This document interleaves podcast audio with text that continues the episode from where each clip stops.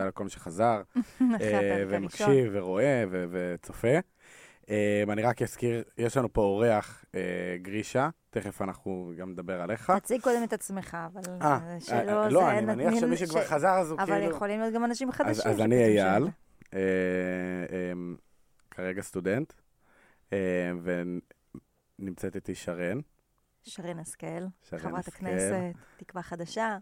הפודקאסט הזה נוצר כדי לחבר אנשים שהם מרגישים שפספסו את הרכבת אה, של הפוליטיקה, אה, לחבר אותם לסיפורים שקורים, גם ברמה הכללית מה זה אומר, מה המושגים אומרים, וגם אה, יותר אקטואלי, יותר עכשווי, יותר מה שקורה. אה, היום אנחנו נדבר על אונר"א, אה, אז, ותכף אנחנו נבין גם למה אתה הגעת, אה, בדיוק לדבר על הנושא הזה. אבל אנחנו נדבר על, על, על ננסה להסביר בפשטות את הסיפור, למה עכשיו זה בכותרות, למה אנשים, למה מדינות הפסיקו לממן את אונר"א, מה זה בכלל הגוף הזה, אמ, וזהו. אז אה, אה, קודם כל אנחנו רוצים לפרגן בכללי לאנשים שעובדים בארץ ישראל, עושים דברים, אה, נותנים מעצמם, אני חושב שגרישה הוא אחד שנתן מעצמו. אפשר להגיד גם יותר מאנשים אחרים.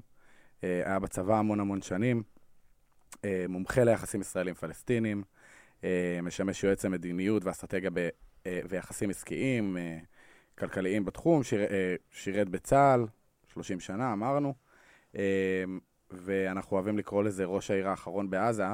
אני לא יודע, אני כאילו מכיר אותך קצת, אז אה, כן. אנחנו- ככה אני מציג אותך כשאני- כשאנשים שואלים אותי מי זה, אז אני אומר ראש העיר האחרון בעזה. אז אולי, אולי גם אתה תציג את עצמך, אנחנו... אז אני אחדש לך גם, אז- הוספתי אז- לך את זה בחוץ. אני- אה, אוקיי, אני- כן, כן. אני הקצין היחידי בצה"ל שיש ילד רשמי בעזה. איי, אוקיי, זה נחמד, נכון? נכון. אז יש ילד עזתי שמסתובב, קוראים לו גרישה. הוא כבר לא ילד. הוא כבר... בן לא כמה הוא היום? אני מניח אה, קרוב ל-30. קרוב אתה יודע מה. קורה איתו?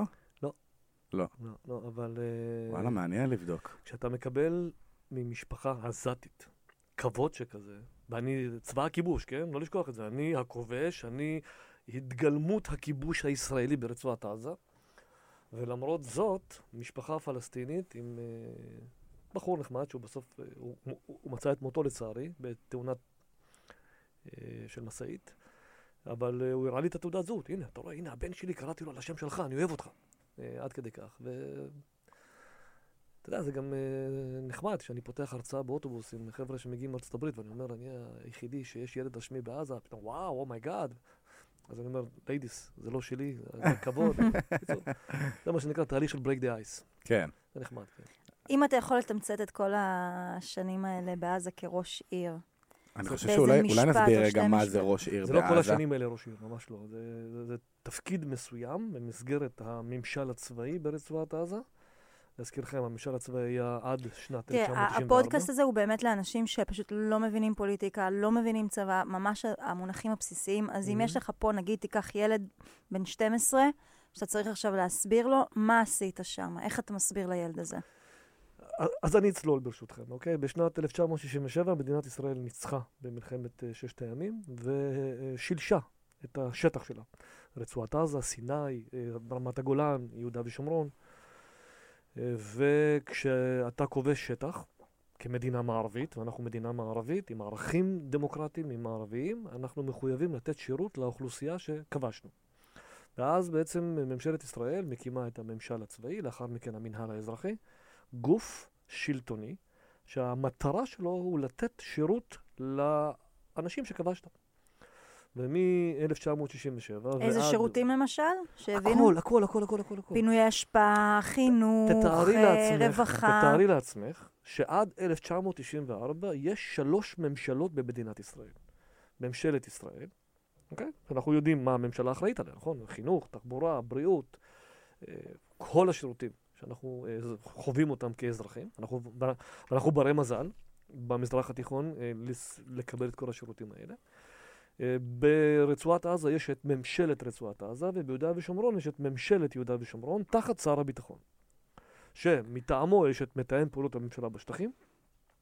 ברצועת עזה יש את ראש המינהל האזרחי, כנ"ל גם ביהודה ושומרון, וממש הקמנו מנגנון שלם, פקידותי, שסיפק את כל השירותים לתושבי רצועת עזה. מנגנון שלם. תושבי רצועת עזה ישראלי. ויהודה ושומרון. לא, זה בנפרד. בנפרד. בוא רגע כן. נשים את... זה- שונה ביהודה לחלוטין. ושומרון או, אז המנגנון אז שלהם, מה, איך זה שונה? ברצועת עזה המנגנון, זה שני מנגנונים שונים עם שני גופי ניהול שונים, עם תקציבים שונים שפועלים על פי חוק אחר. עד היום? ברצועת כן. עזה זה היה אוקיי. חוק מצרי, ביהודה ושומרון זה חוק ירדני עד היום. אוקיי. בסדר? בעזה זה לא רלוונטי. אז הם לא. באמת קשורים, אה, אה, הם קשורים בנרטיב אולי הכללי של פלסטינים, או שהם כן קשורים אחד וואו, לשני? אתה פותח זה פה. חלון אחר לגמרי. אוקיי. זה, אוקיי, זה אוקיי. פרק משלו על כל התולדות נכון, אוקיי. הפלסטינים, מאיפה הם אה, ברחו ולאן... אה, אני אתן לך את הטיזר אבל. כן. אה, אחד הדברים שהיושי הכי לא רוצה, זה שעזתי יהיה אצלו. הבנתי? אוקיי. אני חושב. שאני מסכם את זה, וכדאי שבעתיד נפתח על זה. אנחנו יותר. נפתח. אגב, גם אה, מישהו מאום אל-פחם, מישהו מחברון, לא רוצה שהבת שלו תתחתן עם איזה חברוני, או... וואו, זה כבר מעמדות כן, בתוך החברה כן, כן. אז הפלסטינית. לא, לא, לא, לא, לא ניכנס לזה, אנחנו נתרכז רגע. כן. כן. לאונר"א ולא נדבר גם. רגע, אבל הוא היה בדיוק באמצע, כן. אה, היית באמצע, אה, אז מספקים את השירותים. תתארו. לעצמכם שיש ממש מנגנון שלם של פקידים, שאנחנו ממנים אותם, שהם עובדי מדינה לכל דבר. ישראלים. היו, רגע, לסבר לכם את האוזן, היו שוטרים במדים כחולים של משטרת ישראל, בתחנת המשטרה ברחוב עומר אל-מוכתר בעזה, פלסטינים, שמקבלים עד היום פנסיות פנסיה. ממשטרת ישראל. אה, באמת? כן, כן. כאילו, מטורף. נכון? כן. אבל מי ידע את זה? דרך אגב, יש גם אלמנות צה"ל פלסטיניות. למי שלא יודע, בטול כרם יש אה, אישה שהייתה נשואה לגשש בדואי שנהרג, והיא מקבלת אה, כמשפחת שכול. וואו, מורכב, מורכב. כל נכון, הסיפור שלנו. אז מטורף. לכן כשאנחנו מדברים על רצועת עזה עם אותה ממשלה כפי שדיברנו, אז זה ממש מנגנון שלם מקביל, או מקבילה של ממשלת ישראל, משרד הבריאות, משרד החינוך, משרד התחבורה, משרד הרווחה, מחסני מזון. אה, איך אה, אתה מנהל את זה בעצם, כן. אוקיי? כאילו בעזה, אתה יודע, אומרים, מדברים היום... המנגנון כולו הוא מקומי, דרך אגב. חשוב לי רגע לעמוד על הנקודה הזו, כי זה מתקשר לאונר"א, אוקיי? המנגנון, רובו ככולו, הוא מנגנון מקומי. אנחנו מגייסים עובדים למינהל האזרחי, כמינהל האזרחי, לא אני, כן, לא הייתי חלק כלומר, מהמנגנון הזה. עזתים שהם חלק מהמינהל עזתים האזרחי? שהם תושבי עזה, שהם בעצם האנשי, או זה כמו בישראל. כן, כן. אה, תושב כפר סבא שהוא פקיד במשרד הפנים. כן. תושב שייח' רדואן שהוא פליט, שהוא פקיד במשרד הפנים של המינהל האזרחי ברצועת עזה, אוקיי? ואתה אלפי- בעצם מנהל אותם. לא, לא, לא. לא, לא, לא. אני רגע רוצה לסייג את העניין הזה. הייתי אז קצין צעיר, לא לשכוח את זה, כן? היום אני סבא, אבל הייתי קצין צעיר. וכקצין צעיר בנפת עזה, המושל, אה, אחד התפקידים שראש המינהל האזרחי בנה היה קצין רשויות. הוא אומר, מה זה האינתיפאדה בעצם? אנחנו מתמרדים או אנחנו מתנגדים לשלטון הנוכחי שהיה ישראלי, ועושים בלאגן, פאודה, אוקיי? הפגנות ולא משלמים מיסים ו- ו- ו- ולא מוכנים לקבל את המרות מהמם. של הכיבוש אה, הישראלי. אה, ולכן יש אינתיפאדה. האינתיפאדה הראשונה כן. היא בעצם אה, אי קבלה של הישות הכובשת, שזה מדינת ישראל. ואתה באינתיפאדה הראשונה היית, היית, באינתיפאדה הראשונה הייתי קצין צעיר שם, כן. היית קצין צעיר, נכון. והמשכת כמה שנים, אתה יודע, בספר של אמירה הס, לשתות מהים של עזה, אוקיי. עמוד 61, או-אה. אה, היא כתבה שם, אה, קצין צעיר, אה, קצין רוסי צעיר שהטיל אימתו וחטאתו על תושבי רצועת עזה. צעיר הייתי?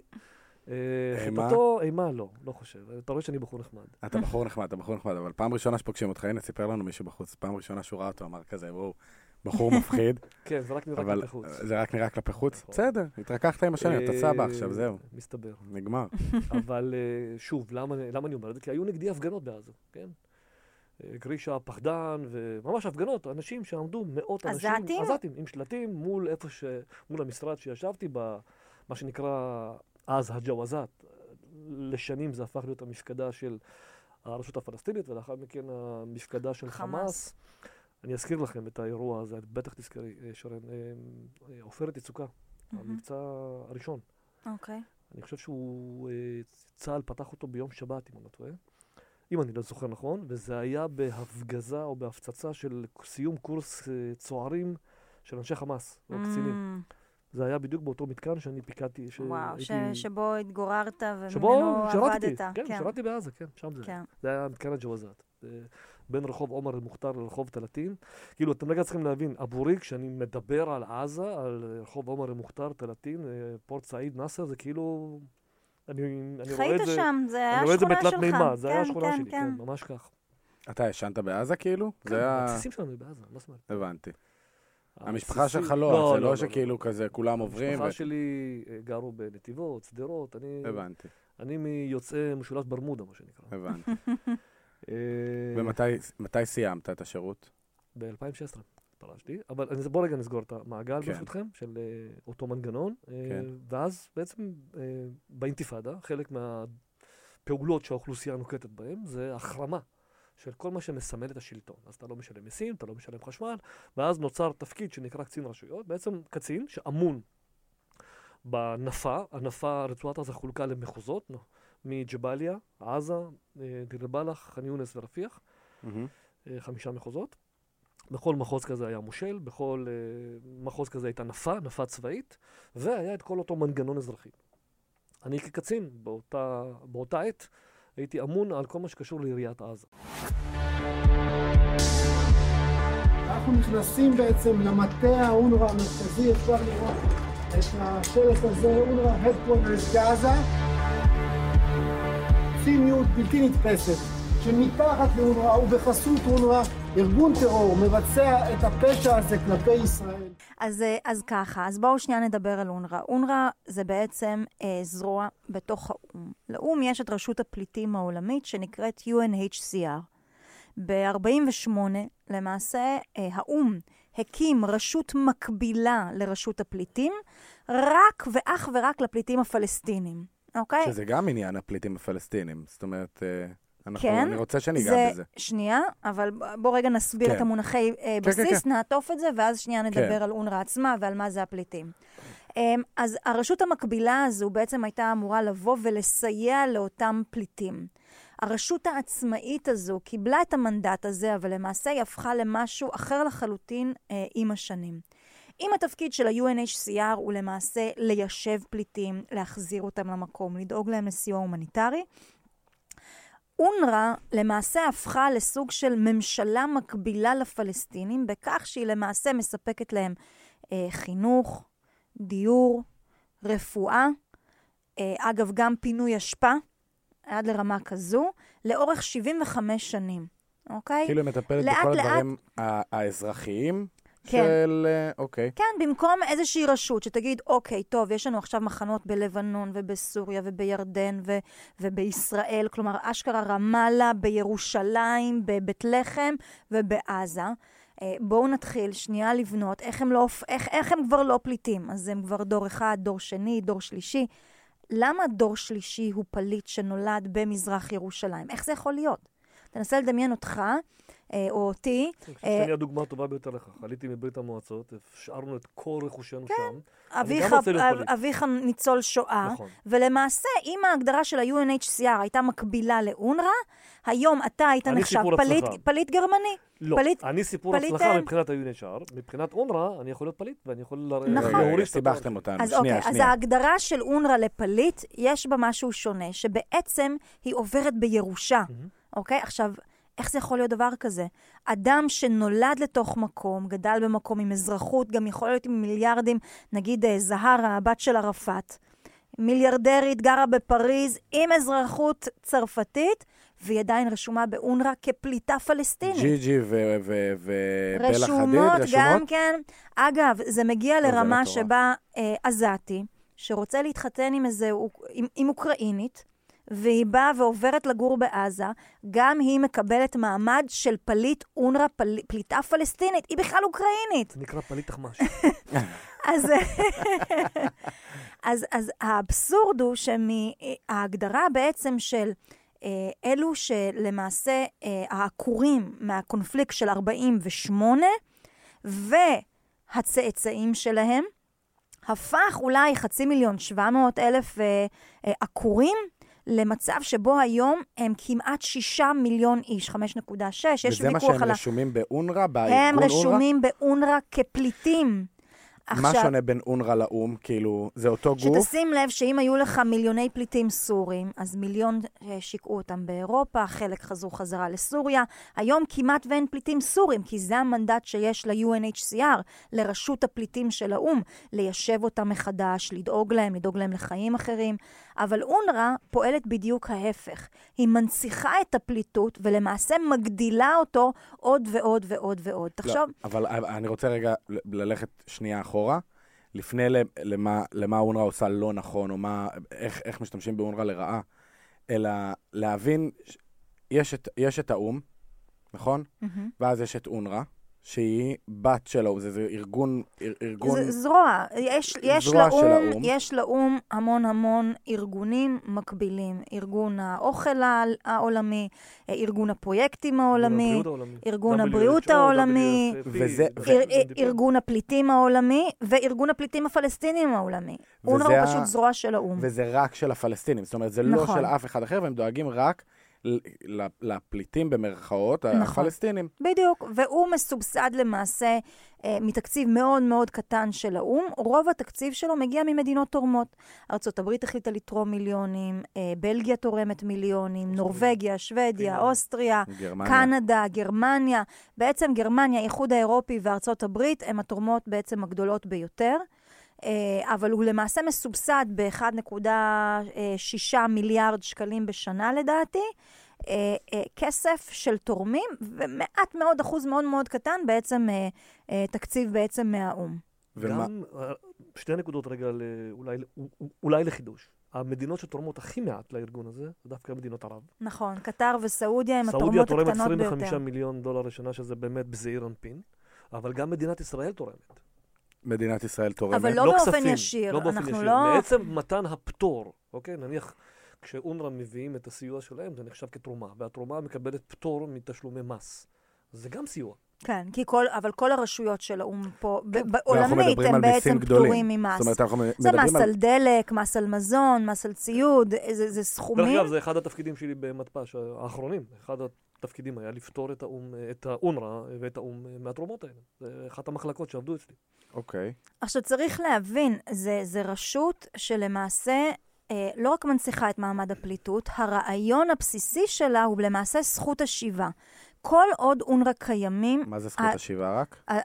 הסכסוך בין הישראלים לפלסטינים תמיד תמיד יימשך, כי זכות השיבה זה הרעיון ההזוי הזה, שיום אחד במאבק, במאבק אה, אה, מזוין, הם למעשה יחזרו וישובו מיליוני פליטים, לא המקוריים, אלא הצאצאים של הצאצאים של הצאצאים שלהם, יחזרו לתל אביב וליפו ולנהריה ולעכו, סליחה, השש מיליון, ולחיפה. כל השש מיליון כל יחזרו? השש לא, לא, מיליון. לא, לא, לא, 14 וחצי מיליון. למה? אה, אוקיי. בסדר? אנחנו מדברים על סך הכל 14. נכון, את, את נכון, נכון, לפליטים. לפ- נכון. הם יודעים נכון. שאין לנו פה נכון. מקום ל-14 וחצי מיליון בינתיים.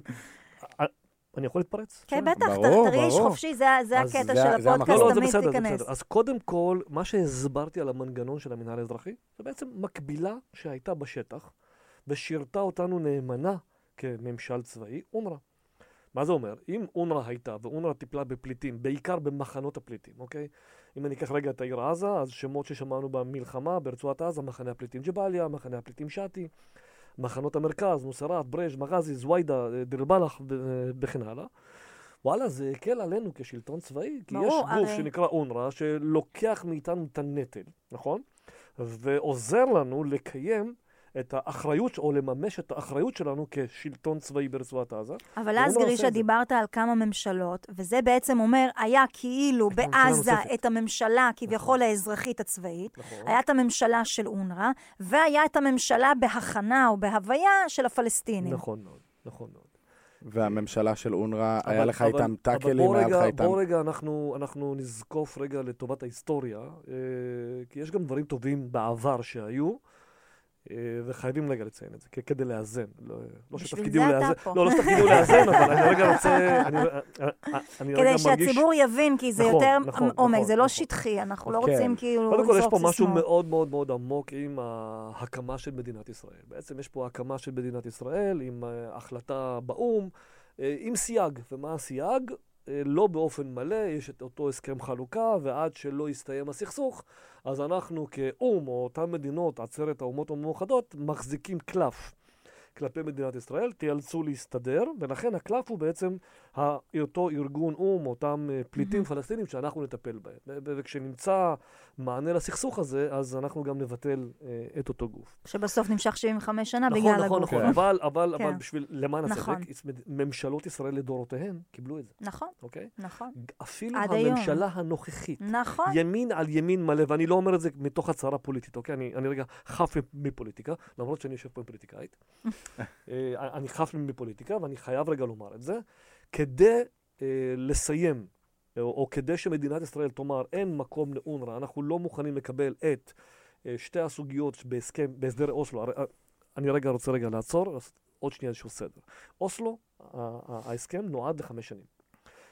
מ-96 ועד שנת 2000 היינו אמורים במשך חמש שנים לדון בסוגיות הליבה עם הפלסטינים, כשהן חמש סוגיות בעצם. סוגיה אחת, חמש. אה, הגבולות של המדינה הפלסטינית, או הגבולות של שתי הישויות. שתיים, המקומות הקדושים, מה שנקרא אצל האמריקאים The Holy Basin.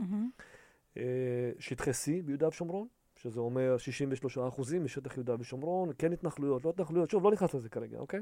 אלא לדון מהמם. בזה. ושתי סוגיות מהותיות, אחת זה אה, פליטים? הפליטים, אוקיי? הפליטים לאן? כן. ושתיים, זכות השיבה. זכות השיבה זה אותם שישה מיליון פליטים, ואותם אותם יתר הפלסטינים שגרים בכל העולם, שלפי הערכות פלסטיניות מדובר בסך הכל 14.5 מיליון איש. עזה 2.1, יהודה ושומרון, תלוי מי סופר. 3.2, 3.4, אם פרופסור ארנון סופר עכשיו היה שומע אותי, הוא היה הורג אותי. מה פתאום 3.4 מיליון, אין דבר כזה. אה, וכל היתר זה אה, ירדן, סוריה, לבנון, צ'ילה, אורוגוואי, פרגוואי, ארגנטינה, אה, אירופה וארצות הברית. אוקיי.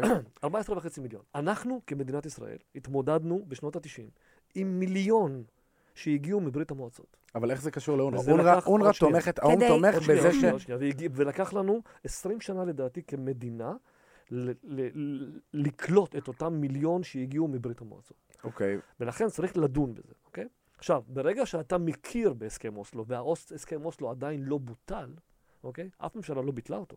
זה אומר שאנחנו עדיין מכירים בטיפול לדון. ומחויבים בטיפול של אונר"א, כי זה מה שהסכמנו ב-48-49, אוקיי? ועד שזה לא בוטל, אונר"א קיים. תן, ת- ת- תתני את שתי מילים על אני- הסכם אוסלו, רק כי אנשים אה, שמעו את זה עכשיו והם לא הבינו מה זה כנראה הסכם אוסלו, ואני כן רוצה... אני ש- חושבת שעדיף שנשים את זה בצד, כי אנחנו לא נספיק לדבר גם על הסכם אולסלו וגם על אונר"א, ואפילו לא נגענו כאילו בקצה זה ה... קשור פשוט. אה, כן, זה. בקצה קצה. כן, ישראל מחויבת בעיקרון לטפל ולדון בעניין של הפליטים, של הפלסטינים. נכון. אה, אני- רוצה קודם כל אולי לדבר על איך אונר"א הייתה נראית בזמן שלך, ומה ההבדל, איך היא כן. נראית היום בעזה. תראו, אונר"א כאילו, בזמן. שלי כקצין צעיר בעזה, אני זוכר את מלחמת המפרץ, אני מדבר איתם בקשר הצבאי, אוקיי? ואני מבקש ממפקדת אונר"א ברחוב תלתין בעזה, יש ירי טילים מעיראק, תנחו את כל עובדיכם לחבוש מסכות, אוקיי? אצלנו זה היה בטלוויזיה, אני זוכר, כן, נחש כן, ספר, כן, או- כן, להם לא היה נחש ספר, וזה פשוט הנחש ספר שלהם, והייתי אני, בקשר. אתה מעביר החמ"ל להם שלי. את המידע. כן. ואתה ביום-יום, נגיד, ביום-יום- מערכת החינוך בי- ב- והבריאות. ביום-יום אנחנו מדברים איתם, ביום-יום אנחנו מבקרים בבתי הספר, במרפאות, נכנסים, בודקים. האם, האם נראה- הם היו עוינים? תראי, אה, כן, אני חייב לומר שהם היו טיפה יותר עוינים מאשר המרפאות או בתי הספר שלנו הרגילים, של, זה עובדים שלנו. אני זוכר אירוע מי- חריג, אירוע ממש חריג. אני זוכר ברחוב נאסר בעזה, פטרול של כוחותינו, צה"ל. כן. אז היה פטרול ר-. רגלי, אני בדיוק נוסע עם הג'יפ, ו... טרול רגלי בלב עזה. נכון, נכון, פטרול רגלי, בר- אנחנו היינו כן, כן, כן. מנווטים אה. זוגות עוד לפני האינתיפאדה בעזה, בשנת 86-7. אה, אבל אני זוכר את האירוע הזה ברחוב נאסר, אני מקבל קריאה בקשר, דקירה, דקירה, דקירה, טס עם הג'יפ, אה, ארבעה חיילים שוכבים על הרצפה, מחבר שדקר ארבעה חיילים, ובאופן אוטומטי אני רץ, פותח את הג'יפ ומעמיס את החיילים עם דקירות בגב לפינוי, ורכב של אונר"א שטס במקביל אליי ותופס את הגופה של המחבל, מעמיס אותה לרכב וואו. ומפנה אותה לבית חולים. של האו"ם. כן, של האו"ם. אונר"א. אבל, כן. אבל רגע, האו"ם? חשוב לי זאת רגע... אומרת, לש- אני רץ לפנות את כוחותיי, והוא רץ לפנות את כוחותיו, אוקיי? לא. אז זהו, חשוב לי לשאול, לשאול גם, אה, גם לידע שלי. עובדי אונר"א, כן. זה כזה גרמנים שמגיעים, אה, אוקיי. הולנדים, כל מיני כאלה של האו"ם, אז בעידן שלי, בעיד- בעידן שהיינו ברצועת עזה, ולדעתי זה עד היום שבו חמאס תפס את רצועת עזה, כבש אותה. אה, היה אה, אחוז מאוד משמעותי של עובדים בינלאומיים ששירתו באונר"א. אני זוכר את זה בעזה, אני חושב ששיתפתי אותך בזה, שרן. היה מקום שנקרא Beach Club, על חוף הים. מהמם. וה Beach Club זה היה מועדון, או מין, אה, כמו שהבריטים כזה רגילים, אתה יודע, באמצע היום לשתות איזשהו אה, drink, מה שנקרא. וכולם מתכנסים בערב שם, כל העובדים והעובדות למיניהם, הפינים והפינלנדים והנורבגים והאנגלים ומי שאתה לא רוצה, האמריקאים, ומבלים בלילות או בערבים או אחר הצהריים ב Beach Club שלהם. לנו דרך אגב היה אסור להיכנס. לישראלים. ל- אבל לעזתים. מותר. לא. גם לא? ל- לא, לא, לא. לעובדים של רק אונר"א. לעובדים? זה היה רק כאילו הזרים, זה לא הזרים. רק של אונר"א. יש כל את הזרים אה, רופאים ללא גבולות וכל מיני ארגונים אחרים של אוקיי, מתנדבים. אנחנו לא אוקיי. מדברים רק על אונר"א, אנחנו מדברים על עשרות ארגונים בינלאומיים, אוקיי? אה, רק ל-USAID יש חמישה NGOs אה, בתוך רצועת עזה, Save the Children וכל מיני אחרים, כן. שגם בהם השתמשנו לטובתנו, אבל היו הרבה מאוד זרים ברצועת עזה. דרך אגב, שימו לב לנקודה מאוד מאוד מאוד אה, מטרידה. אין ולו עיתונאי זר אחד במלחמה הזו בעזה. כולם מקומיים. שימו לב. סוחרים אותם, רויטרס סוחרים, עדיין, CNN עדיין, סוחרים. בוא, נג- בוא, נ- בוא רגע נקפוץ לאוקראינה, המלחמה שם היא לא פחות uh, חמורה, uh, מה, שקורה בעזה. ים של עיתונאים זרים, בינלאומיים, נכון, בכל העולם, CNN, נכון. BBC וכולי. לא ראינו אחד במלחמה. וזה לא מדינת ישראל מונעת את זה. לא, לא, ממש לא, חמאס מנע את זה. חמאס מנע את זה. לכן, אני, אני מבין גם, אני גם בקשר עם חלק מהגופים האלה עד היום. אה, בכל זאת, רכשתי, כאילו, חברים שרכשתי, גם חלק מהעסק שלי היום זה אה, פעילות עם פלסטינים ועם אה, גופים כאלה. אנשים לא רוצים להיות בעזה, חמאס לא רוצה, מהמם. כאילו אין זרים. כן. ומה שקרה, מכורח המציאות הזו שאין זרים, אין פיקוח, אין בקרה. ואז האנשים שהם עובדים מקומיים שמגויסים לשורות הארגון, בדיוק כפי שאנחנו גייסנו למינהל האזרחי, מקומיים משורות הארגון, אוקיי? מי הם? הם בני עזה. הם בני אנשי חמאס. הם משפחות שמזוהות עם חמאס. אז למעשה, האו"ם הקים גוף, נוצר, אונר"א נוצרה, רגע, שנייה, תן לי לסיים את השאלה ואז תענה לי. אני יודע מה אתה הולך לומר פשוט. לא, לא, אני לא הולך להגיד משהו מתריס, אני הולך להבין. יש, אה, האו"ם, אה, יש את אונר"א, בסדר? זרוע אזרחית אה, בתוך רצועת עזה. פעם היו הרבה יותר זרים, היום, אפס. היום כמעט אפס, אפס חוץ אפס מראש זרים. הארגון לדעתי. אז למעשה אונר"א הפכה להיות ממש רשות פלסטינית, מעין רשות פלסטינית. החמאסית, לא פלסטינית, אלא אני- אני- חמאסית. אני רוצה חמאסית. שרגע, אני רוצה רגע, כי, כי היו הרבה מאוד התבטאויות בעניין הזה, בסדר? אני לא מאשים או לא מצדיק או, או מנסה רגע להסביר, אוקיי? יש פה מציאות שמכורח המציאות היא בלתי, המצב הוא בלתי נמנע.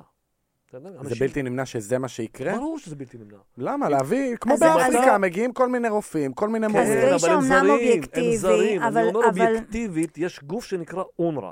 האנשים שמגויסים לעבוד באונר"א הם תושבי רצועת עזה. למה? כי יש בעצם לאונר"א, הרי אמרנו, מדובר החל מפינוי אשפה, חינוך, רפואה, לוגיסטיקה, ואז אתה צריך מנהל, נגיד, של המחנות פליטים עכשיו עם האוהלים, שיחלק לכולם את המזון, את האוהלים, את הכל. יש לך מנהל לוגיסטי שבעצם צריך לשנע את הכל. יש בית לך. מורים. בוא ניקח בית נכון, ספר. מורים, בית מנהל. ספר כיתה א', ב', ג' עד, אה, עד, עד כיתה ז'. נו. אתה מצפה שמה, שפינלנדי ילמד אותם? מלמד אותם מורה מקומי, עזתי. שהוא עובד אונר"א עזתי. אבל מי שלמעשה מקבל את המשרות האלה, חמאס דואג שאלו יהיו הפעילים שלו, הפקודים שלו, בני המשפחות שלהם. הם מקבלים את אותם זה אה. הטבות של אה, משרות יוקרתיות, אני- אה, ושם אני- אותם אני- בתוך המקומות אני רוצה האלה. למה שאמרת להוסיף אבל משהו- למה לא? משהו למה- לא להביא אנשים מבחוץ? כי אתה, מה אתה מצפה שיהיה... אה, כי, שנייה. כמו באפריקה. כמו באפריקה, שקורה אתה- באפריקה. אבל אתה טועה, באפריקה מה שקורה זה בדיוק אותו תהליך שכביכול מוצג לעולם כהצלחה. אני חייב רגע להסביר את זה.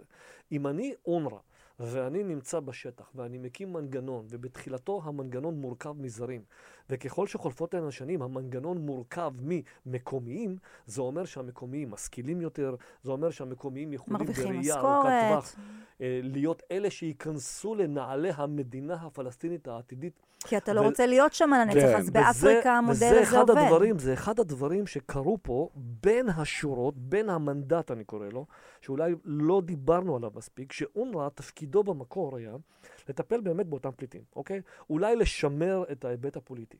ואונר"א ניכס לעצמו לאורך השנים תפקיד שהוא אמר, אני אהיה גם חלק מאותו גוף שאולי אכשיר את הפלסטינים להיות מדינה נכון. עצמאית עתידית באמצעות ההכשרה שאני אתן. נכון, אבל ההבדל בין אונר"א ל-UNHCR זה כשה-UNHCR מתחיל תוכנית לעובדים מקומיים, המנדט שלו יסתיים ברגע שיסתיים אותו משבר הומניטרי או אותה מלחמה. אונר"א, על פי ההגדרה שלה, היא לנצח תהיה שמה. כי עד שאותו עזתי דור חמישי לא יחזור ליפו או לחיפה, הוא עדיין ייחשב עד- פליט פלסטיני מה על האו"ם פי ההגדרה של זה? או אונר"א. עד אשר אנחנו נגיע להסדר. אז מה הם אומרים על זה? זה. נשמע לי... אבל ברור לך שבהסדר, ניקח את ההסדר שכולם מדברים עליו, להלן הסכמי אוסלו וכולי, הרי אין סיטואציה בחיים שמדינת ישראל תוכל להכניס בשעריה מיליוני פלסטינים. ולכן כל עוד הם לא יוותרו על אותה זכות השיבה, לא יהיה פתרון לעולם לסכסוך הישראלי-פלסטיני. יש פתרון והוא חי, קיים, נושם ובועט ביהודה ושומרון. האם שמעת את השם רוואבי? כן. מה זה? רוואבי זו עיר מדהימה. יונה, כן. יופי, הפוליטיקאית אני לא יודעת עד יודעת. כמה... אז רוואבי זו עיר פלסטינית, העיר הפלסטינית המתוכננת הראשונה. בשאר אל-מסרי. המודיעין של... אה, של אה, המודיעין פלסטין. של אוקיי. הפלסטין, עיר מאלפת, אוקיי? הייתי שם יותר מפעם אחת, השווארמה אש. אה, כש- כש- כש- כשהייתי יועץ בחברת נשר עד אפריל האחרון, אז הם כמובן גם רכשו את המלט כחול לבן. אה, אבל עיר באמת מהממת, עם, עם בניינים רבי קומות, אין כבלים בחוץ, אין חוטי חשמל, הכל מתחת לאדמה, מתוכנן. ה-Q Center שלהם אה, עם, עם חנויות היוקרה הכי טובות שיש. ובעצם העיר הזו היא מודל הצלחה של סקטור פרטי פלסטיני, שיכול להקים ערים ולשכן בהם פליטים, עם אפס השקעה של האו"ם, תוך יוזמה פרטית, בהשקעה פרטית. ולראיה, אבל, אבל. גרישה, אתה לא יכול לצפות ש-14 מיליון פלסטינים, אה, יהיה להם, תהיה להם אזרחות כדי להיכנס בתוך אני, שעריה אם, של... אני, אה, אם אני רגע מחלק את ה-14.5 מיליון פלסטינים, אז אה, בוא נגיד שיש לנו את ה-2.1 ואת ה-3 משהו בעזה. אה, יש אה, לא מעט פלסטינים שהדבר האחרון שהם היו רוצים זה לחזור לכאן, אוקיי? אני מעריך, אני מעריך שאנחנו ניאלץ בראייה עתידית להתמודד עם גג לא יותר מ-2.5-3 מיליון פלסטינים, זה כל הסיפור. שאותם אפשר לשכן בערים מתוכננות, לעילה ולעילה, שקטאר מימנה את זה. סוף סוף קטאר מממנת משהו לרווחת האוכלוסייה ולא למנהרות של, האוכלוס... של, ה... של החמאס. אתה לא כאילו אופטימי חסר תקנה ב- אני- בצ- בצפי הזה? אני- נראה לי גם אה, שרן חושבת. כן, אני אני... אסביר את מה ש... אתה רוצה לשמוע דעתי? אז אין, אה, אה, עד לפני המלחמה אין מצב. אמרתי, וגם בסיורים שלי וגם בהרצאות, שאם יהיה שלום מתישהו בינינו לבין הפלסטינים, זה אולי בעוד 30-50 שנה. אולי. ובינתיים העסק שלי, ומה שאני עושה, אני בונה גשרים לעתיד טוב יותר, בסדר? אני עובד עם פלסטינים, אנחנו מנסים לייצר דינמיקה בעסקים וכן הלאה. היום, לצערי, אחרי המלחמה הזאת, אנחנו נצטרך שני דורות, לפחות, כדי להגיע לאיזושהי סיטואציה שנוכל לשבת ולדבר על איזשהו עתיד טוב יותר ל...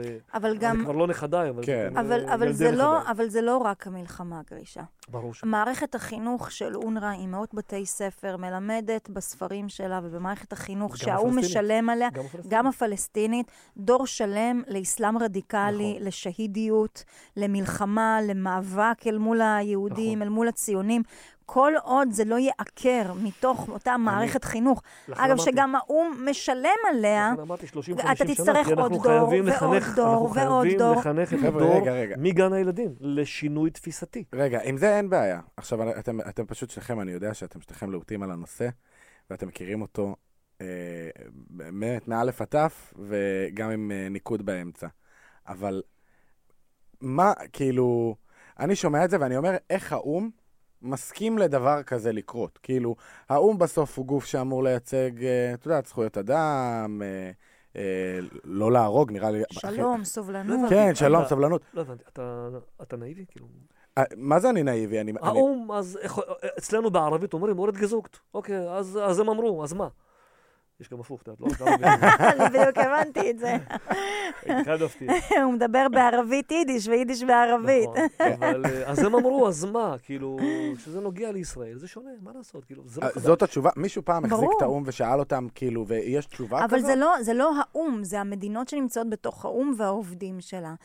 אינהרנטית, זה כבר דורי דורות, הארגונים ההומניטריים, האו"ם, העובדים בתוך הקהילה הזו שנקראת הקהילה הבינלאומית, הם איך אנטי-ישראלים יכול להיות שרק מובהקים. אנחנו רואים את האמת כאילו. בעניין אבל הזה? זה לא רק אנחנו, תראה, ארצות הברית רואה את זה, אתה רואה מה, את העמדות של בריטניה, של גרמניה, הם תומכים בנו במאה אחוז.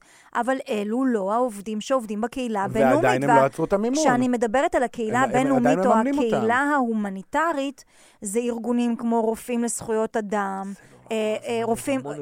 ויוניסף, ו-World Vision, ופשוט בארגונים האלו עובדים אנשים שהם באופן מובהק אנטי-ישראלים. אתה יודע כמה, אה, סליחה רגע, אני אשאל אתכם לא. שאלה מכשילה. אתם יודעים כמה ארגונים, NGOs, עובדים בשטח, בעזה וביהודה ושומרון? אני הייתי מעריכה שמאות, 150, 200, טלי, באמת? 300 ומשהו. וואו. גופים של האו"ם? לא, NGOs. לא, זה... NGOs כאילו יש לך- תקשיב, כזה? Non-governmental organization. כן, לארצות- אוקיי. הרבה מאוד מדינות תורמות, כמו ארצות הברית וכולי, שמממנות כל מיני ארגונים, אתה יודע, עם כל מיני אה, תפיסות עולם הומניטריים, הומניטריות בעולם. כדי לסייע להם. קח את ארצות הברית, יש לה את USAID. לשוודיה- רק, USAID מפעיל אה, חמש NGOs כן. בעזה. הם נוסעים בכל העולם, לא רק בישראל, גם באפריקה בכל העולם. ובאסיה, לסייע משברים הומניטריים. גם ישראל שולחת, גם לנו יש ארגונים הומניטריים, אנחנו גם שולחים אה, יחידות צה"ליות לסייע כל הד- איך עם ברעידות כל אדמה. הדבר הזה? עזה לא. נראית כמו סינגפור. כאילו, אתם מתארים לי פה סיטואציה שכל מדינה נכנסת, כולם עוזרים, יש את האונר"א, שיש לה מלא כסף שהם אבל יכולים זה, לבנות. זה הם יכולים- בדיוק הבעיה, זה אותו מעגל שאם אנחנו מדברים על מעגל אה, האבטלה והסבסוד בעצם של אבטלה. אתה אומר, בן אדם מובטל, אם מחר אתה משלם לכל אדם שהוא מובטל באופן אוטומטי עשרת אלפים שקל לחודש, מעגל האבטלה יגדל, כי יותר משתלם לך בעצם להיות מובטל, מאשר לצאת ולעבוד. הסיפור עם הסיוע ההומניטרי בעזה הוא אותו סיפור. הם נשענים על הסיוע ההומניטרי. אתה כפליט עזתי מקבל חינוך את מבינה, ובריאות את מבינה, ורווחה לא ובית. זו תעשייה. כן, זו תעשייה שלמה שזה רווחי, רווחי להיות יש פליט תעשיית בעזה. התרומות ברצועת עזה, זה פשוט תעשייה. עכשיו רגע, אני רגע אומר משהו מאוד מאוד לא פופולרי, אוקיי? חמאס גאונים. אני בכוונה אומר את זה, כדי שלא נתפחלץ, אבל הם כן, גאונים. הם בקטע הזה עשו כן. לקהילה הבינלאומית ולישראל בית ספר, אני אסביר, בסדר? עכשיו אני רגע קצת, אה, קצת אה, מספרים. אונר"א טיפלו ברצועת עזה ע- עד היום, בערך ב-1.3-1.4 מיליון פליטים. הטיפול הוא מזון, אה, בריאות, חינוך, אוקיי? זאת אומרת, אם אונר"א אה, משקיע את כל המשאבים האלו, דיור, אגב, הם דיור, בונים להם וילות. זה לא אוהלים, אונר"א בונים זה להם וילות? אונר"א, אונר"א אה, נ- היו חלק מאותו מנגנון שיקום רצועת עזה, שאנחנו אה, אה, בנינו בעבר יחד עם, ה, יחד עם האו"ם. אני הייתי מאלה שכתבו את מנגנון הפיקוח, אחרי צוק איתן, והכנסנו חומרי בנייה לעזה, ואונר"א היה אותו גוף ששיקם את הבתים לאותם פליטים שבתיהם נהרסו. אוקיי? בנה אותם, בנה להם בתים, אה, דירות, מחנה הפליטים וילות. שתי, כפי שאני זוכר אותו, אוקיי? היה שם אולי ארבעה מבנים שהם שתי קומות. אני זוכר עכשיו בטלוויזיה, כן, גורדי שראיתי איזה שחקים. גורדי שחקים בתוך שתי, שהוא מחנה פליטים. וזה, וברגע שבעצם הקהילה הבינלאומית והאו"ם משלמים לך על דירה, ועל המזון שלך, ועל החינוך של הילדים שלך, ועל הבריאות, מי ירצה לעזוב את זה? תגיד, תסתכל על. האמריקאים. אזרחים. אמריקאים שלהם אין דיור ואין אה, בריאות ואין אה, חינוך, והם צריכים לשלם על זה. שרן, זה הרבה מעבר לכך, ולמה חמאס גאוני? חמאס והמצרים הקימו חברה שנקראת אבנאי סינה, וקיבלו החלטה לפני מספר שנים ש-65% מהסחורות לרצועת עזה ייכנסו דרך מעבר רפיח. חמאס מיסה את הסחורות האלה, ושלשל לכיסו 700 מיליון דולר לשנה. אה, אז אה, חמאס מיסה את הסחורות. שאנחנו לא שאנחנו ממסים. שאנחנו לא ממסים? לא. לא. אה, לא, הם מגיעים ממצרים, אנחנו לא יכולים נכון, אה, לקבל אנחנו עליהם. לא- לא, אבל אנחנו את לא אותן נמצאים סחורות על הגבול. שיגיעו נניח... לא, לא, לא. אנחנו ב- לא נמצאים על הגבול של מצרים באחת הבעיות שלנו במלחמה הזו. להבנתי שאנחנו לא שם, אבל זה נושא אחר, תרצו נפתח אותו. למרות שהוא קשור לאונר"א, נכון. בעיניי. אבל 700 מיליון דולר שחמאס מיסה, יחד עם המצרים, מסחורות שמגיעות מכיוון מצרים. 17,500 פועלים שעבדו בישראל עד פרוץ המלחמה. כל פועל בממוצע הכניס 450 שקלים ליום, אני כבר חישבתי את זה מראש. אנחנו מדברים על חצי מיליארד דולר שנכנסו מכספים שפועלים עבדו בישראל ולתוך רצועת עזה. סחורות שנכנסו דרך מעבר כרם שלום, מאות משאיות ביום שחמאס מיסה אותם. עכשיו אתה יכול לשאול אותי, איך אתה יודע? הייתי בנשר, נכון? שואל. מכרתי, שנייה, שאל, שאל. הייתי, הייתי יועץ בנשר, מכרתי מלט ללקוחות בעזה, עד הרבה לפני המלחמה הפסקנו, וזה לא היה משתלם. אבל החבר'ה שלחו לי את החשבוניות שלהם, והם, כזה, שמונה שקלים טונה לטונה לחמאס. שמונה שקלים, מכרתי בערך אלף טון ליום, תחשב את הכסף. וזה רק מלט. מים, קמח, סוכר, אורז, אה, מים. ת- ת- תחבר לי, תעשה לי... זה- אנחנו מדברים בערך גם כן על איזה ש- אה, 20 מיליון, אוקיי? אוקיי. שנכנסו שם. אה, קח את אונר"א, שמימנו את ה- אגב, את שנייה הפליטים. אנקדוטה, זה הוויכוח על ציר פילדלפי בעצם, שישראל תשלוט בעצם בציר פילדלפי. ציר פילדלפי אני- זה הציר של... זה אותו אה, מסדרון זה- בין... אה, אה, אותו- תסביר אולי באמת למאזינים שהם לא, לא אני- כל כך מבינים אז אני, אז, אז, אז אני מה אז המשמעות של ניצחון בעזה. אז אני אחבר את כל זה לפילדלפי, אה, אוקיי, בס, בס, בסיום דבריי. אבל רגע, שימו לב כמה כספים נכנסים. הייתה, היה איזשהו רעיון של בכיר חמאס שכולנו זוכרים אותו, בלבנון, ושאל אותו המראיין, אה, איך אתה מסביר את העובדה שאתם כחמאס בניתם 500 קילומטר של מנהרות מתחת לאדמה, ולא בניתם מקלטים לאנשים. זוכרים את הרעיון הזה? כן, כן. כן, בטח. והוא אמר, הוא לא דחה את הטענה שלו, אלא הוא אמר, ברור, המנהרות זה לנוח'בה, לכוחותינו, והאנשים זה לא אחריות שלנו, זה אחריות של האו"ם. זאת אומרת, אני החמאס, אני, השיל...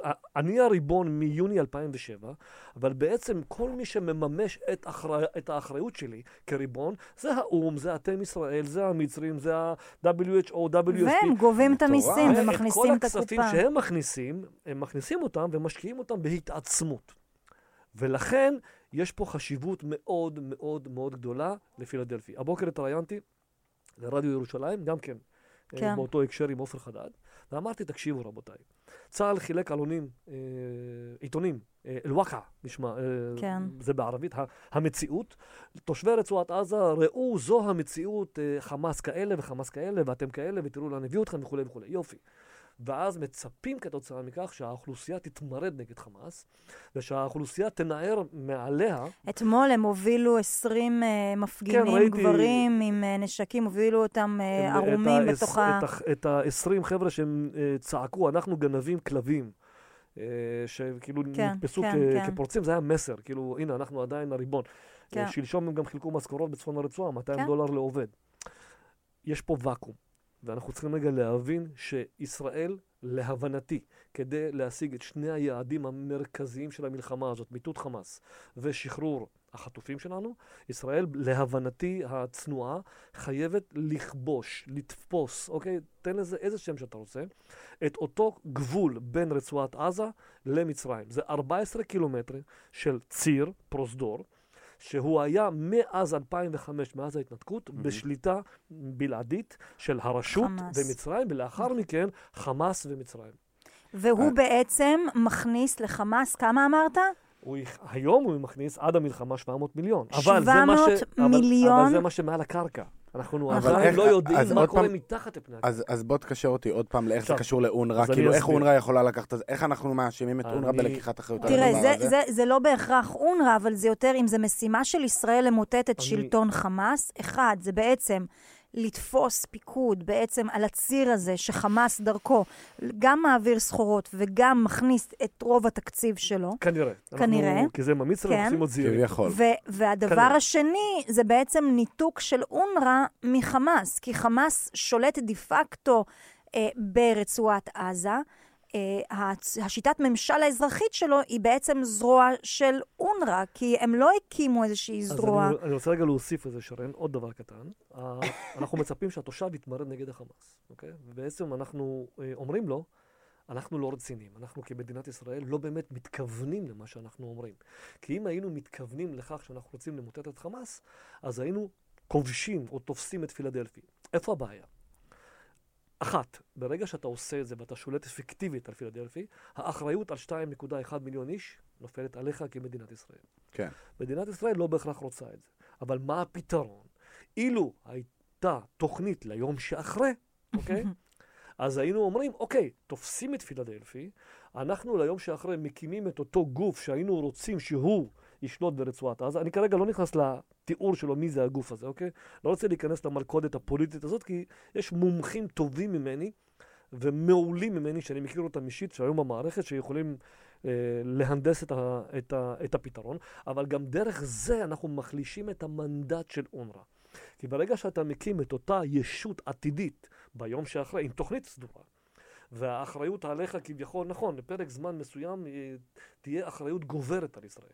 אבל כשאתה מקים את אותם, את אותם תתי גופים, קנטונים, או, או מחוזות, או לא משנה, גוף כזה, אז אתה גם אומר, אונר"א, אתם מתחילים לעבוד תחת הגוף החדש הזה מראש, ואתה מראש בעצם מייצר פה דינמיקה של גוף שלטוני עתידי, שמקבל את התמיכה המערבית. ואונר"א, אוקיי? העובדים של אונר"א נשארים פלסטינים? העובדים של אונר"א בשלב הזה כן, פלסטינים, מטורף, ואנחנו מבקשים למה? להגביר את כניסת העובדים הזרים, להגביר את הפיקוח, להגביר את הבקרה, וכל מדינה תורמת יודעת שהיא עכשיו מתחילה לתרום את הכסף לאותו גוף שאנחנו מקימים, ופחות לאונר"א. חייבת להיות פה דינמיקה, חייב להיות פה תהליך. אתה לא יכול גם מחר בבוקר... למה אנחנו אוהבים הכל לסבך? למה לא פשוט להוציא את אונר"א? שנייה, אתה לא יכול. ולהגיד, אני- לא, אני מבין, מקים אנחנו ארגון לא יכול- חדש. אנחנו לא יכולים, קחו את זה איזה בחשבון. ארגון חדש? ארגון חדש שיביא אה, אה, מורים, אה, אה, פעילי זכויות אדם, שבסדר, ישנאו את ישראל. את יודעת מה? שישנאו את ישראל. אכפת לי שבמערכת החינוך שלהם יהיה מי שיבקר אותם, אכפת לי שבמערכת קודם הבריאות כל זה יהיה עניין, מי שיבקר זה עניין את זה. של החלטה. וכרגע ההחלטה אה, של היום של אחרי נמצאת החלטה. בסימן אין שאלה. החלטה. גם בגלל שעד עכשיו כל הפתרונות שהוצאו הם לא פתרונות שאפשר אה, כרגע לחיות איתם, נקרא לזה ככה. אני, עד אני שלא לא י- יודע אם אפשר או לא, אבל אי אפשר... אז מה עדיף, המצב הנוכחי? אני חושבת שצריך למצוא פתרון. לי יש, תראה, אנחנו דיברנו על זה לא מעט נכון. בעניין הזה. אוקיי, אז בעצם, אה, לדעתי, מה שאפשר לעשות זה לקחת אחד המומחים של אונדק, שזה בעצם זרוע ביצוע או זרוע תכנון של האו"ם לאזורים מוכי אסון או אזורי מלחמה, שבעצם בונים תוכנית הומניטרית למקום. לבנות את אותה תוכנית, זה בטח ייקח שבועיים, שלושה שבועות, לבנות את התוכנית ההומניטרית לעזה, כפי שהם בונים אותה לכל מקום אחר. יש להם יכולות גם באזורים עם מיליוני פליטים, כמו בסודאן ובאפגניסטן, לטפל באזורים האלו.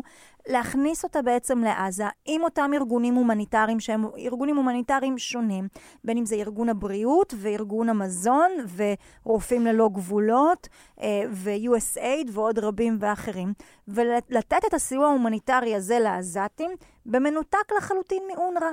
כן אפשר לעשות את זה. אחר כך העניין של היום שאחרי הוא נמצא. למי מעבירים את זה? איך בונים מערכת חינוך? אונר"א כן תצטרך להעביר את מערכת החינוך, היא תצטרך להעביר את שירותי פינויי האשפה, היא תצטרך להעביר את השירות הבריאות שלה לאיזשהו גוף של מה שנחליט בעצם ביום שאחרי.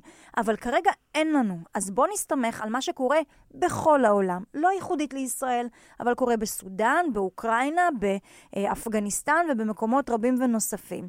נבנה את אותה מערכת הומניטרית ונמשיך לדון בנושא של היום שאחרי, למי יקבל את זה לידיו, כי אין לנו כרגע, תראה, אני אומנם בכנסת, אני מנסה להשפיע. אה, זהו, מה בדיוק את כרגע- עושה? מעניין. אבל, אבל, אה, לא, להשפיע מבחינת היום שאחרי, אבל נכון לעכשיו, אין החלטה של הממשלה, ולכן, לבוא ולהמשיך להתבחבש, לא, בואו נמשיך את הצעד הזה קדימה. ניתן את הסיוע ההומניטרי הזה במנותק מאונר"א כדי לנתק את חמאס. הצבא, אין ספק שהוא חייב להשתלט על ציר פילדלפי מהבחינה הזאת, כדי לעצור את חמאס, ובעצם העניין של המימון, וסחורות וכולי. אה, אה, ו- וזהו. אה, כלומר, אבל אונר"א למה- חי- למה- למה ש- למה שמדינת אונר"א ישראל... במוקדם או אנחנו במאוחר חלוקים חייב... קצת. אה, אונר"א במוקדם או. במאוחר, רגע, שנייה, רק כי אני לא בטוח ש- ששמענו. אונר"א במוקדם או במאוחר? אונר"א במוקדם או במאוחר חייבת להיעלם. אונר"א. היא בעצם מוקד הבעיה של הסכסוך הישראלי-פלסטיני. וכל עוד היא קיימת, לא יהיה עתיד שונה. לא יהיה איזשהו פתרון שהוא פתרון אחר, ולא באיזה אופן קסום אנחנו נפסיק להילחם אחד בשני. אוקיי. ולמה, אז למה מדינת ישראל רוצה דווקא את אונר"א? למה כאילו... ישראל היא- לא רוצה, תראו. אה, אונר"א לדעתי אמורה לחדול מלהתקיים. אני, אני מסכים איתך. וזה נכון, אבל זה תהליך, אוקיי? זה לא יכול לקרות בן לילה. עדיין, איך שלא נסובב את זה, יש ברצועת עזה 2 נקודה משהו מיליון איש. שאנחנו יכולים לומר מה שאנחנו רוצים. אנחנו מדינה דמוקרטית, מערבית, עם, אה, עם ערכים, עם מוסר, אוקיי?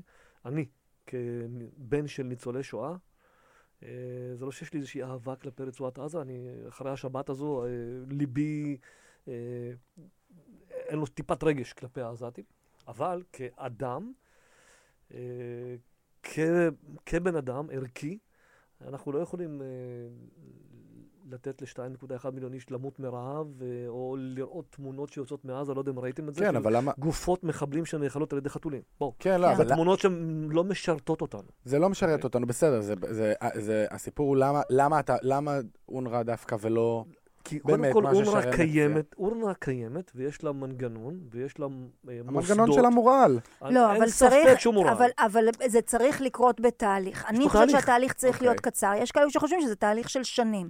לדעתי, בתוך כמה חודשים זה תהליך שיכול להיבנות. אני מסכים איתך. אנחנו צריכים אבל לייצר תהליך, ולכן אני תולה את זה ביום שאחרי, אוקיי?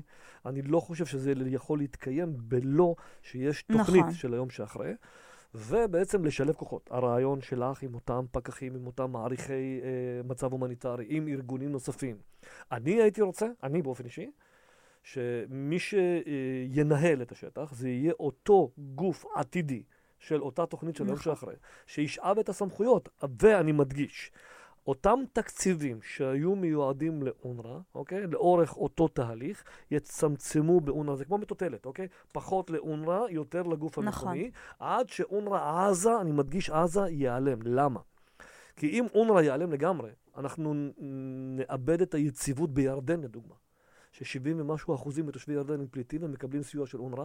ירדן זו מדינה שמייצרת לנו, זה מושג ששאלתי מעמוס אה, גלעד. שהיה אונר"א גם בירדן? כמובן, כן, כן, כן, פליטים. גם בירדן וגם בלבנון וגם בסוריה. אונר"א, ולכן אם פתאום אונר"א מאבדת את התקציבים שלה, המלך שמספק לישראל, ואני אומר שוב, שאבתי את זה מעמוס גלעד שהיה מפקדי, אנחנו מקבלים, זוכים מירדן לעומק אסטרטגי, אותו עומק אסטרטגי יכול להתערער כתוצאה מכך שפתאום המלך מוצא את עצמו עם זה שאונר"א לא מתפקד וכל הפליטים נופלים עליו. יש פה השלכות אסטרטגיות, ולכן אני מסייג את זה כרגע, עזה תחילה. למרות אוקיי. שלאורך ההיסטוריה, גם מחנות הפליטים של אונר"א, של הפלסטינים במדינות השונות, היו מוקד התקוממות ומוקד מאבק פנימי אכן. גם. אה, ניקח אני- למשל את סוריה, אה, מחנה הפליטים אל-ירמוך אל-ירמוך. בסוריה. אסד פשוט טבח וחיסל את כל הפלסטינים שם. נכון. העולם לא השמיע ציוץ על הדבר הזה. אנחנו לעולם לא נעשה דבר אסד כזה, כמובן. שחט כמיליון איש מאזרחיו. מישהו, כן. את, את מישהו זה לא. עניין? אף אחד. לא, שנאת יהודים, שנאת ישראל. ציוצים, ציפורים, זה מה שאתם. אומרים, כאילו העולם עלינו, כי שנאת יש ישראל, שנאת סרטוני. וידאו למי שלא ראה אותם, של קציני אסד, אנשי הממשל של אסד, באל-ירמוק, כמו שציינת, נכון, עם בור. טובחים בעזתים, ופשוט בתוך טובחים הבור, בעזתים, בתוך ממש. לתוך הבור אחד, מעמידים לא אותם. בשורה. וטובח בהם לתוך הבורות האלה, וככה הוא חיסל לא לחלוטין לא את מחנה הפליטים של אונר"א לא. של ירמוך אבל גם נקודת אור, בסוריה. גם נקודת אור רגע. תן לנו נקודת אור, כי אני יוצא אור, מפה אנחנו בחושך. במדינה פלסטינית ואנחנו לא מתנהגים, במדינה, סליחה. פלסטינית. אנחנו חיים כן. במדינת ישראל דמוקרטית מערבית, ואנחנו לא חיים במדינה כמו של אסד, אז אנחנו לא כאלה. אז זה. נקודת אור, אין ספק. לפני, אנחנו פשוט ממש לקראת סיום, אה, ולפני שאנחנו מסיימים, אני כן רוצה לקשר רגע את השיחה שלנו למה שקורה עכשיו. עכשיו שמענו בחדשות, אני לא יודע, הפרק הזה יצא עוד שבוע, אני מאמין, אז, אה, אז, אז אני לא יודע מה יהיה עד אז, אה, כי הדברים האלה קורים מהר, אבל המדינות עצרו מימון לאונר"א. למה? כאילו, מה עכשיו דווקא לעצור מימון? למה לא בשביעי באוקטובר או אה, לפני?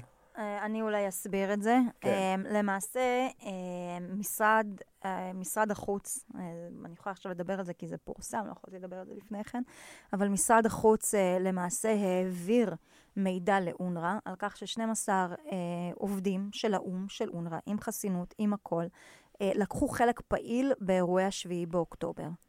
אה, ברגע שהדבר הזה קרה, וברגע שהאמריקאים אה, קיבלו את האינפורמציה הזו, יש חוק שלמעשה מונע מהם להעביר תקציבים לארגון שמשוייך לארגון טרור, אוקיי? אה, זה לא מטוב ליבם. לא, ממש לא. אה, חשבתי אם היו ולמעשה פתאום, אה, גילו עצרו, את ה- הם לא עצרו, האור. אבל השהו, הש- השהו, השעיה. כן, של אותם התקציבים. זה יצר תגובת שרשרת בעוד מדינות רבות, אגב, גם מדינות שהכריזו על חמאס כארגון טרור, ויש להם אה, אתגרים משפטיים מאוד מאוד דומים. למעשה השהו את המימון. אבל בואו לא נפתח את השמפניות ונחגוג שפתאום אונר"א נעצרת. זה בעצם השעיה עד לבירור הדברים, עד למה שנאמר על ידי אונר"א, פיטורי אותם עובדים. אגב, שניים מהם אינם שרן, בין החיים יותר, אבל... זה בדיוק, בדיוק חלון ההזדמנויות, שעד שהם מחליטים נכון. להשיב את המימון, בואו רגע נניח תוכנית על השולחן של מסודרת. היום של אחרי, וזה בר ביצוע. וזה ואת- יהיה, אם מדינת ישראל את לא עובדת על מניחה... זה בתור שנייה, מישהו אם מדינת ישראל לא תניח תוכנית עכשיו לחלופה לאונר"א, אנחנו נבכה על זה דורות קדימה, כי הזדמנות כזו לא תהיה לנו עוד הפעם. מי אמור לבנות את התוכנית? תראה, אה, אה, קודם כל אני... לא, אני- יכול להיות שזה לא את באמת, לא, כי קודם, כאילו... אז- אז קודם כל אני עובדת גם אל מול משרד החוץ, אל מול משרד הביטחון, ומנסה ללחוץ כמה שיותר כדי להביא תוכנית, כדי אה, אה, להביא לא מדיניות קודם ממנה. כל. אה, להביא, לא. הספיק לי להיות ראש עיריית אני, אם, אם, אם זה היה תלוי בי, גרישה, לא. אתה היית מנהל את התוכנית הזאת, כי אין כמו אדם בעל ניסיון שמכיר את השטח, יודע מה האתגרים, עם עיניים מציאותיות, היה בקרקע, אשכרה הלך ברחובות עזה, אה, וממש... החומוס אה, הכי טוב בעזה, רק שתדעו, רחוב פורט סעיד, חומוס חוזנדר. אז. אה, אז לדעתי, אה, קודם כל, אה, באמת, זה חלון הזדמנויות. ולכן אני פועלת כרגע גם אל מול הממשלה שלנו, אבל אל נשכח גם את המדינות התורמות.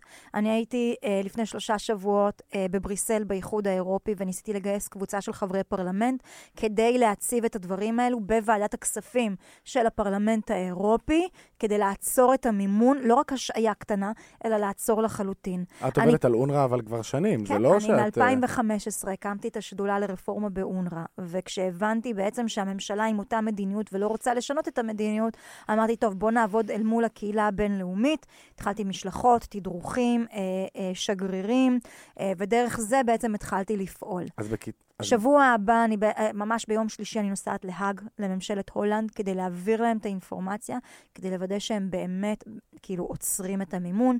אה, לאחר מכן אני אהיה בברלין ממש ל-20 שעות כדי לעשות את אותו הדבר, ולאט לאט מדינה תורמת, מדינה תורמת, כדי לנסות לבנות שם איזושהי קואליציה של חברי פרלמנט, שיבינו את המשמעות של זה. כי כמו שגם פה במדינת ישראל, אף אחד כמעט לא מבין מה זה אונר"א, לא יודע מה זה, רק עכשיו התחיל לעלות לכותרות.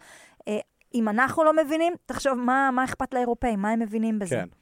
אז אז- אני, דרך אגב, רק מאמין שתדעי. משפט אני- קצר, אני- גרישה. אני מאמין שמה ששמענו על 12 עובדי אונר"א מחבלים, אני חושב שיש פה אה, משהו ברור. הרבה יותר מפלצתי באונר"א. כן, אני זה נשמע ש- שיש הרבה יותר. זה זה- הרבה יותר יש מאשר 12 מיפוי, עובדים. ועוד לא הצליבו את כל ואני הנתונים. מאמין שכשישראל תסיים את תיק הראיות שלה כלפי אונר"א, היא רוצה הזה- לסיים את התיק ראיות שלה כלפי אני- אונר"א? אני מניח שוב שזה קשור לאותה יש תוכנית. מידע, לא. משחררים, כן. זה יש קשור מידע, ליום. לא. כן. אילו ישראל הייתה מניחה על השולחן את היום שאחרי, אני חושב שארגון אונר"א היה חדל מלהתקיים לאלתר, נכון. אוקיי? זו ההבנה שלי. אה, אני ו- עדיין לא הצלחתי להבין מה, אז מה, מה האינטרס של מדינת ישראל? כי נוח לעבוד איתם? כי זה ישראל לא רוצה כרגע להוציא 60 מיליון שקלים, 60 מיליארד שקלים מכיסה. כדי להאכיל את איזה רצועת עזה. אוקיי? יש פה המון כן. כסף שבסוף יבוא על חשבון האזרח הישראלי, שכרגע זה על חשבון אונר"א או על חשבון מדינה אחרת. מאוד אוקיי. כן. אז, אז טוב, אז, אז ניסינו לגעת בכמה שיותר דברים.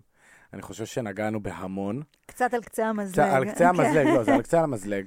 אבל אז מי שמתעניין עכשיו יכול קצת לקרוא יותר, יש המון כתבות שפורסמו, יש מאמרים של גרישה גרישה, שמדברים על הדברים, נכון. יש, ש- יש- אני אעשה את זה. מי שמעוניין, יש סיורים, כן. הרצאות. כן, יש כן, סיורים כן, והרצאות. כן. כן, לא האמת להתבייש, זאת שכן, אתה? עושה הרצאות כדי להסביר על ה... אני יכול להקשיב המצב. לזה שעות, לסיפורים כן, האלה. כן, זה שעות, כן, זה כן. כאילו מבחינתי אצלי הפודקאסט עבר לי באיזה שנייה אה, זה לא. יכול שעות. אייל, אצלי זה פר שעה וזה לא זה. פר שעה, הנה, ישר הוא מתחיל עם התחמנות. נכון, זה לא תחמנות, זה עסק, מה לעשות? זה עסק, זה עסק, אתה צודק, אתה צודק לגמרי. כן. אה, אז אה, קודם כל, תודה שבאת. ו-. וכיף לנו שהיית ממש פה, תודה. נכון? כן. אה, ו- ושרן, בכללי, אני, יאללה, כאילו, ת, ת, ת, אני לא יודע מה להגיד, אני יצאתי כאילו, אני לא יודע אם להשמיד את אונר"א, לא להשמיד את אונר"א, שיישארו, שיצאו, כן, שיהיו. חייבים לפרק את. אונר"א בתהליך, בהחלטה, החלטת מדיני- דרך אגב, החלטת אתם אומרים משהו מדיניות. מאוד מאוד מאוד נכון, זה לא שחור לבן, זה הרבה יותר מורכב. נכון. כן, זה, נכון. זה לא שחור. אני חושב שזה באמת המסר המרכזי. כן. שזה לא אבל שחור או עכשיו אה, לבן. למאזינים יש אולי קצת מהבסיס, קצת קצת. מכל הגישות, ושילכו לחקור, יחשבו. בעצמם. בדיוק, ללכת לחקור, לשמוע בחדשות, לא לפחד מהמושג. אה, וזהו, תודה, תודה לכם, יאללה, איזה. כיף. תודה רבה.